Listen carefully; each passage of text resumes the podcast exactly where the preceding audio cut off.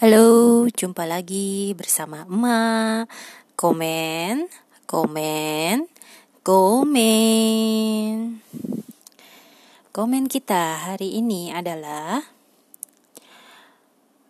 enggak salah dengan perbuatan salah.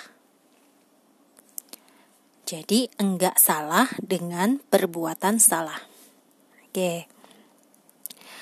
Uh, para teman-teman, mohon ini didengarkan sampai habis ya, karena gue nggak mau ada salah paham uh, dengan baru separuh-separuh diterima infonya, terus langsung menyimpulkan sendiri gitu. Wah, katanya nih, kata emak nih nggak salah nih dengan perbuatan salah gitu. Ya, jadi didengarkan sampai habis dan nanti disimpulkan masing-masing dengan sudut pandang masing-masing gitu. Yang eh, pertama itu adalah eh, jelas bahwa kalau berbuat salah itu adalah kesalahan. Gitu. Itu pasti kesalahan. Tapi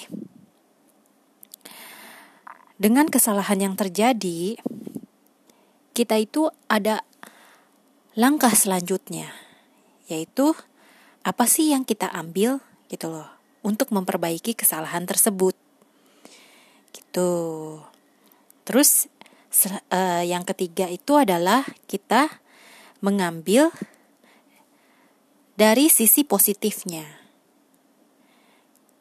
Meskipun kesalahan itu adalah negatif, tapi di sana itu pasti ada sisi positifnya untuk kita uh, pelajari agar kesalahan tersebut nggak terjadi lagi gitu atau terulang lagi. Yang keempat itu jangan sampai merasa bersalah berkepanjangan.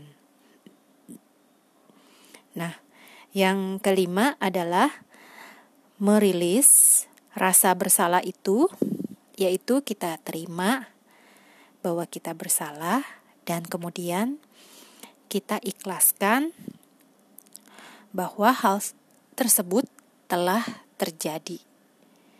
Gitu, kita terima dan kita ikhlaskan bahwa hal tersebut telah terjadi. Bukan kita berandai-andai coba kalau gue nggak melakukan begini pasti nggak akan terjadi kesalahan ini itu uh, jangan berandai-andai lagi karena semua semua kesalahan itu telah terjadi. Jadi kita nggak berputar-putar di masa lalu kita. Kita putar terus, putar terus. Coba deh kalau misalkan waktu itu gue ambil opsi A atau opsi B atau opsi C gitu sehingga kesalahan ini tidak terjadi gitu. Dan yang keenam adalah Jadikan kesalahan tersebut sebagai pedoman atau acuan dalam menjalani kehidupan lu selanjutnya. Gitu. Nah, di sini gue uh, ingin menggunakan contoh misalkan gitu ya. Uh, uh, dulu kan uh, gue kerja di perusahaan uh, dagang gitu. Jadi nih misalkan gitu, misalkan nih gue nih lupa nih eh, gara-gara mungkin entah itu banyak kerjaan atau mungkin karena ketele keteledoran gitu ya sehingga misalkan gue uh, lagi memegang stok gitu. Dan gue lupa untuk mengupdate stok tersebut. Sehingga pada saat bagian pembelian itu melihat nih oh stok barang A ini nih sudah menipis sekali jadi kita harus order. Gitu kan? Otomatis kemudian bagian pembelian melakukan order dan kemudian barangnya datang dan pada saat uh, ingin dimasukkan ke gudang ternyata jeng stoknya itu masih banyak. Gitu. Dan ternyata usut punya diusut adalah oh itu terjadi karena ada miss nih di gue gitu kan gue tidak melakukan update updating stok sehingga menyebabkan kesalahan uh, pada stok tersebut. Jadi pihak lain yang menggunakan uh, acuan laporan stok gue yang salah ini jadinya membeli dan kesalahan itu terjadi. Jadi overstock gitu. Nah, otomatis tentu ya pada saat kesalahan itu terjadi kita nih pasti tahu kan gitu. Oke, ini salah gue nih gitu. Tapi dengan bukan kita berarti terus-terusan menyesali gitu ya. Tentu kita akan uh, mengatakan bahwa kita menyesal dan meminta maaf gitu kan kepada rekan-rekan kerja kita semua gitu. Telah terjadi kesalahan seperti ini, lalu selanjutnya adalah langkah apa nih? Gitu. Langkah apa yang harus uh, diambil untuk memperbaiki kesalahan tersebut? Misalkan uh, dari bagian uh, sales gitu. Misalkan uh, dia uh, coba deh kita tawarkan gitu ke distributor distributor kita gitu. Mungkin ada yang uh, stoknya sudah mau habis jadi kita tawarkan untuk uh, mereka untuk restock gitu. Atau bisa juga kita bikin program nih.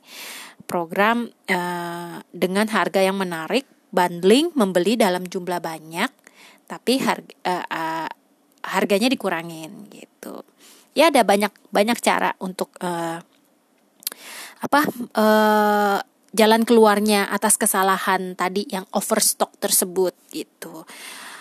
Lalu kemudian yang ketiga kan tadi ya kita ambil nih positifnya nih. Yang pertama kan jelas ada kesalahan, yang kedua itu langkah apa yang harus diambil untuk memperbaiki kesalahan tersebut dan yang ketiga itu kita coba ambil positifnya.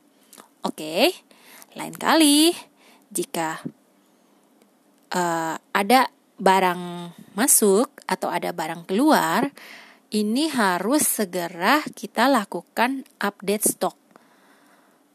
Minimal jika tidak dapat dilakukan di hari yang sama, minimal keesokan harinya, uh, sorry, maksimal keesokan harinya stok sudah terupdate. Gitu. Entah itu gimana caranya, ya kita pikirin deh gitu mungkin misalkan pada saat itu gue sedang izin atau gue sedang sakit gitu kan sehingga tidak mungkin uh, yang uh, tidak memungkinkan gue besoknya untuk masuk dan melakukan update stok ya otomatis gue minta tolong mungkin rekan kerja gue minta tolong eh tolong dong diupdatein dulu nih stok barang yang datang kemarin gitu oke okay. nah uh, yang keempat itu adalah jangan sampai merasa bersalah berkepanjangan. Nah, itu oke. Okay. Jadi karena kalau kita merasa bersalah berkepanjangan, akhirnya itu akan mengganggu kinerja kita sendiri. Gitu. Jadi misalkan nih gue terus merasa bersalah gitu ya ketika gue ngelihat bagian purchasing, gue jadi malu, gue merasa bersalah gitu mereka uh, apa melakukan banyak pembelian sementara stoknya juga masih banyak gitu gara-gara kesalahan gue terus juga gue lihat bagian sales gue juga uh, merasa bersalah gitu mereka di push untuk jualan gitu kan karena stok banyak gitu. Belum lagi ngelihat atasan gitu ya. Uh, itu tuh jangan jangan sampai berarut-rarut itu. Ambil optimisnya aja itu pasti rasa bersalah itu kita oke okay, kita pasti ada nggak mungkin nggak ada gitu ya. Rasa penyesalan itu juga pasti ada nggak mungkin nggak ada. Tapi lu coba nih uh, janji nih sama diri lu sendiri gitu kan bahwa oke okay, kesalahan ini adalah karena uh, dilihat karena gue nggak melakukan update stok gitu. Dan tadi kan udah disebutin ya langkah untuk memperbaikinya gitu. Jadi ke depannya itu harus selalu stok diupdate. Terus ya udah uh, lu jangan terus-terusan dirasa bersalah gitu karena yaitu kinerja lu tuh akan terganggu lu ngeliat ke sini lu nggak enak. Lu ngeliat ke sini lu nggak enak gitu kan. Akhirnya lu jadi nggak nyaman untuk bekerja di kantor tersebut. Nah uh, lu orang pasti kan udah merasakan gitu ya kalau lu udah gak nyaman di satu tempat itu kayaknya udah gak bakalan lama udah gak bakalan lama lu di sana gitu. Karena lu udah gak nyaman. Ibaratnya orang udah gak betah di sana dan lu setiap hari harus ke sana bertemu dengan situasi dan lu bertemu dengan orang-orang di mana lu merasa bersalah gitu. Itu pasti udah gak enak banget situasinya. Maka dari itu kita ambil uh, langkah kelima yaitu kita rilis rasa bersalah itu. Terima dan ikhlaskan hal tersebut terjadi. Misalkan lu nih kayaknya lu masih uh, apa? memendam gitu ya. Gue masih merasa bersalah. Coba deh lu ngomong uh, ke temen lu yang di kantor yang dekat atau mungkin coba lu ngomong ke atasan lu gitu atau enggak ke HRD gitu kan bagian yang netral gitu kan. Lu coba aja ngomong gue cuman pengen uh, minta waktu lu coba ngomongin.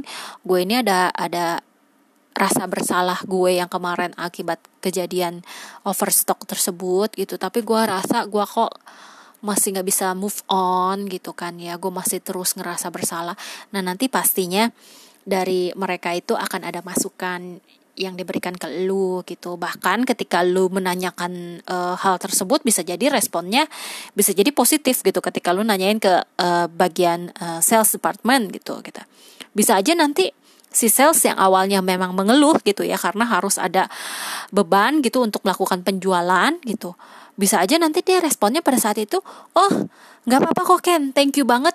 Karena kemarin itu yang overstock jadi kita bikin program ini ternyata laku penjualannya kenceng kita men apa mereka itu bisa apa namanya reach targetnya dan mereka mendapatkan komisi. Nah, bisa jadi kan itu malah jadi e, berita gembira gitu yang tadinya malahan e, berita nggak enak tapi berubah situasinya menjadi berita gembira.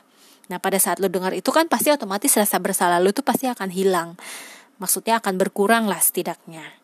Nah, maksudnya tuh yang seperti itu lu coba bicarakan dengan orang lain gitu ya, orang yang bisa lu percaya atau pim, uh, atasan lu langsung gitu atau mungkin bagian departemen-departemen yang terkait gitu karena lu melakukan kesalahan ini jadi departemen apa yang terdampak coba lu ngomongin gitu loh. Bisa jadi dari mereka kan ada pandangan yang lain gitu. Terus uh, udah gitu yang keenam itu adalah jadikan kesalahan tersebut sebagai pedoman atau acuan dalam menjalani kehidupan lu yang selanjutnya. Oke, yang seperti gue bilang tadi, karena lu sudah pernah menghadapi kasus seperti ini, jadi jangan sampai nih lain kali lu lakuin lagi tuh harusnya lu udah update stok yang tadinya lu udah berjanji akan melakukan update stok maksimal uh, di keesokan harinya tapi ternyata lu mundur-mundurin lagi dengan berbagai macam alasan itu jangan gitu. Jadi lu tetap stick sama uh, apa aturan yang lu udah buat sendiri supaya kesalahan tersebut tidak terulang lagi dan di saat nanti misalkan lu pindah kerja pun atau ya di atau pada saat lu ber apa namanya? buka usaha sendiri nanti ke depannya lu tuh tahu gitu pada saat lu lagi terjadi overstock langkah apa yang harus lu ambil. Nah, kan lu tahu kan? Oke, kita bikin promo gitu. Kita coba tawarin dengan harga yang menarik gitu, tapi harus mengambil stok yang banyak. Nice. Yang yang seperti seperti itu kan kadang-kadang kan baru kepikiran, bisa jadi baru kepikiran pada saat uh, lagi kepepet gitu istilahnya. Ya, jadi begitu ya. Jadi uh, enggak salah dengan perbuatan salah. Jadi artinya itu adalah ya bahwa di dalam perbuatan salah pun lu itu bisa mengambil sesuatu yang positifnya yang kemudian malahan itu bisa jadi membawa berkat atau e, malah bisa jadi tuh membawa suatu e, sesuatu yang positif terjadi gitu. Kayak seperti tadi ternyata malah gara-gara overstock kita bikin promo, kita bikin program, eh malah penjualannya jadi naik, booming gitu kan. Kalau enggak kan tadinya stuck biasa aja. Ini malah perusahaan jadi jadi lebih besar profitnya gitu karena terjadinya si ini apa namanya? si overstock ini. Nah, itu adalah dari sisi pekerjaan ya. Uh, gue ada uh, contoh lagi gitu ya. Kebetulan ini gue sempet denger ceritanya dari circle gue mungkin yang ketiga lah ya gitu. Uh, gue tidak melihat langsung kejadiannya. Jadi itu uh, ada yang pastinya kita ya pada saat uh, semasa kita hidup ini pastinya kita pernah bertengkar dengan orang tua gitu. Nah ada juga kan beberapa itu yang uh, bertengkar dan tidak bisa berbaikan. Dalam artian masing-masing kubu pihak si orang tua dan si anak tetap kekeh keras kepala nggak mau gitu yang si orang tua uh, tidak mau untuk membuka pembicaraan dulu karena mungkin merasa gengsi gitu ya bahwa mereka adalah lebih tua. Nah yang muda ini juga tetap keras kepala kekeh gitu karena nggak mau uh, dibilang lembek atau uh, nggak mau membuat yang tua ini besar kepala gitu kan ya karena kan masing-masing menganggap pihak yang lain lah itu yang bersalah gitu. Dan selama ini sih kalau kita lihat apalagi di kayak di sinetron sinetron kan banyak tuh ya. Itu tuh sebenarnya kan nggak nggak baik dan nggak nggak bagus lah ya gitu. Bahkan ada contohnya seperti yang gue bilang itu sampai ketika orang tuanya meninggal pun dia itu tidak sempat untuk melakukan komunikasi gue nggak bilang itu untuk minta maaf ya tapi istilahnya membuka komunikasi dengan orang tuanya pun tidak sempat lagi gitu. Dan akhirnya orang tuanya meninggal. Nah kemudian si anak ini lama-lama timbullah rasa bersalah dia gitu. Nah ini juga gue juga kurang tahu kasusnya karena apa mereka bertengkarnya. Tapi yang jelas si anak ini merasa bersalah, berkepanjangan yang akhirnya menyebabkan dia itu depresi. Jadi dia pun kerja tidak bisa, uh, terus menghidupi keluarganya juga dia nggak bisa, anak-anak dan istrinya juga tidak diperhatikan lagi, jadi dia hidup dengan penyesalan dan akhirnya dia menjadi depresi sehingga pada akhirnya dia uh, butuh untuk dirawat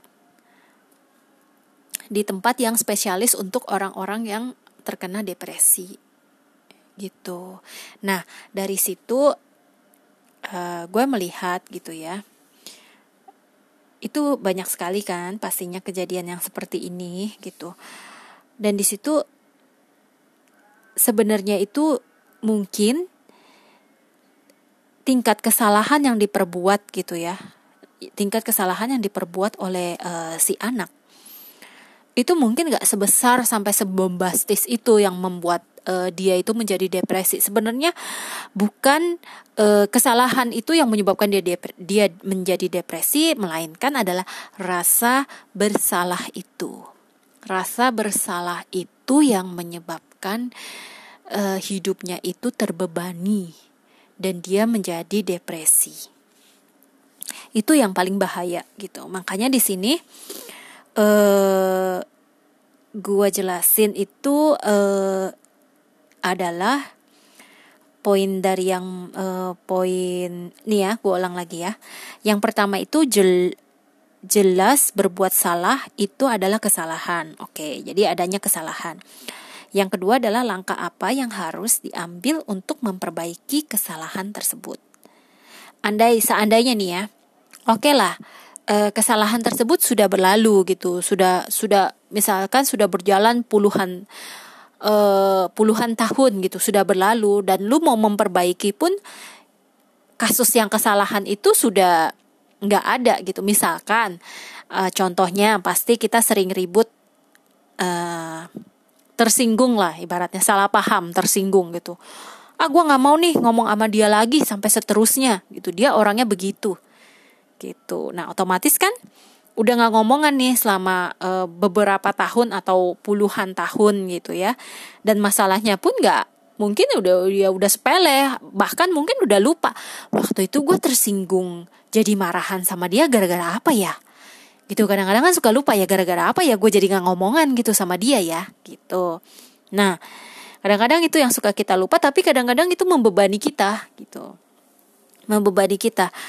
Dan uh, yang ketiga adalah ambil positifnya Jadi positifnya nih, misalkan nih lu nih telah berucap kasar gitu Terus tapi lu dulu-dulu lu gengsi untuk minta maaf duluan. Ah nggak usah lah gitu lain kali juga nggak ketemu lagi sama dia gitu. Misalkan sama temen gitu ya teman sekolah gitu. Nggak mungkin lah gue ketemu lagi sama dia ntar udah gede juga udah nggak ketemuan. Ya udah ambil positifnya. Lain kali gue kalau mau ngomong kalau lagi marah itu dipikirin dulu karena itu akan menyakiti orang dan kita akan berantem gitu dan gue akan kehilangan teman gitu apalagi kalau temannya itu teman baik ya artinya teman yang memberikan banyak sisi positif ke kita gitu dan yang keempat itu adalah jangan sampai merasa bersalah berkepanjangan. Nah, ini lagi poin yang paling penting gitu. Jangan sampai lu merasa bersalah berkepanjangan gitu. Ibaratnya menyesal tanpa ujung ya gitu. Caranya gimana? Ya udah lu rilis lu terima rasa bersalah itu dan ikhlaskan.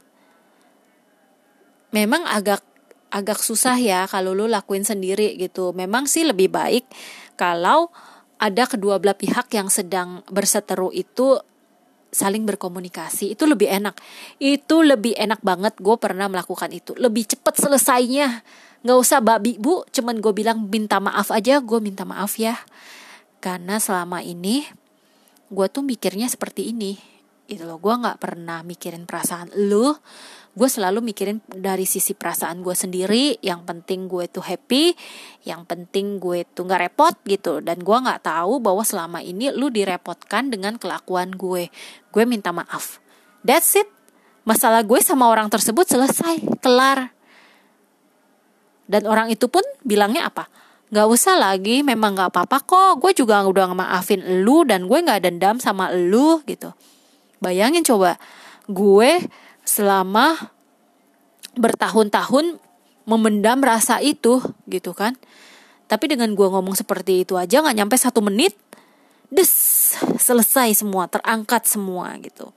Ya, memang lebih enak seperti itu. Tapi kalau misalkan tidak bisa pun, coba lu bawa dalam doa gitu. Lu bawa dalam doa uh, tolong uh, saya terima dan ikhlaskan apa pun yang terjadi. Saya menyesal mohon supaya orang yang telah saya lukai itu dibahagiakan gitu. Atau kalau memangnya lu butuh banget ya udah lu datang ke ahlinya. Mungkin lu butuh bimbingan gitu ya sama yang ahlinya gitu. Dan yang terakhir itu adalah jadikan kesalahan tersebut sebagai pedoman. Ya ibaratnya lu jangan lakuin lagi hal seperti ini gitu. Karena gue nggak mau nyakitin orang lagi dan gue nggak mau terutama gue nggak mau nyakitin gue sendiri gitu. Dengan membebani perasaan bersalah gue di badan gue sendiri gitu. Oke? okay? Silakan teman-teman menyimpulkan masing-masing dengan uh, cara berpikir kalian masing-masing diambil yang positifnya. Kalaupun tidak ada yang positifnya ya sudah dianggap angin lalu saja. Oke? Okay? sekian dulu. Sampai jumpa di episode berikutnya. Bye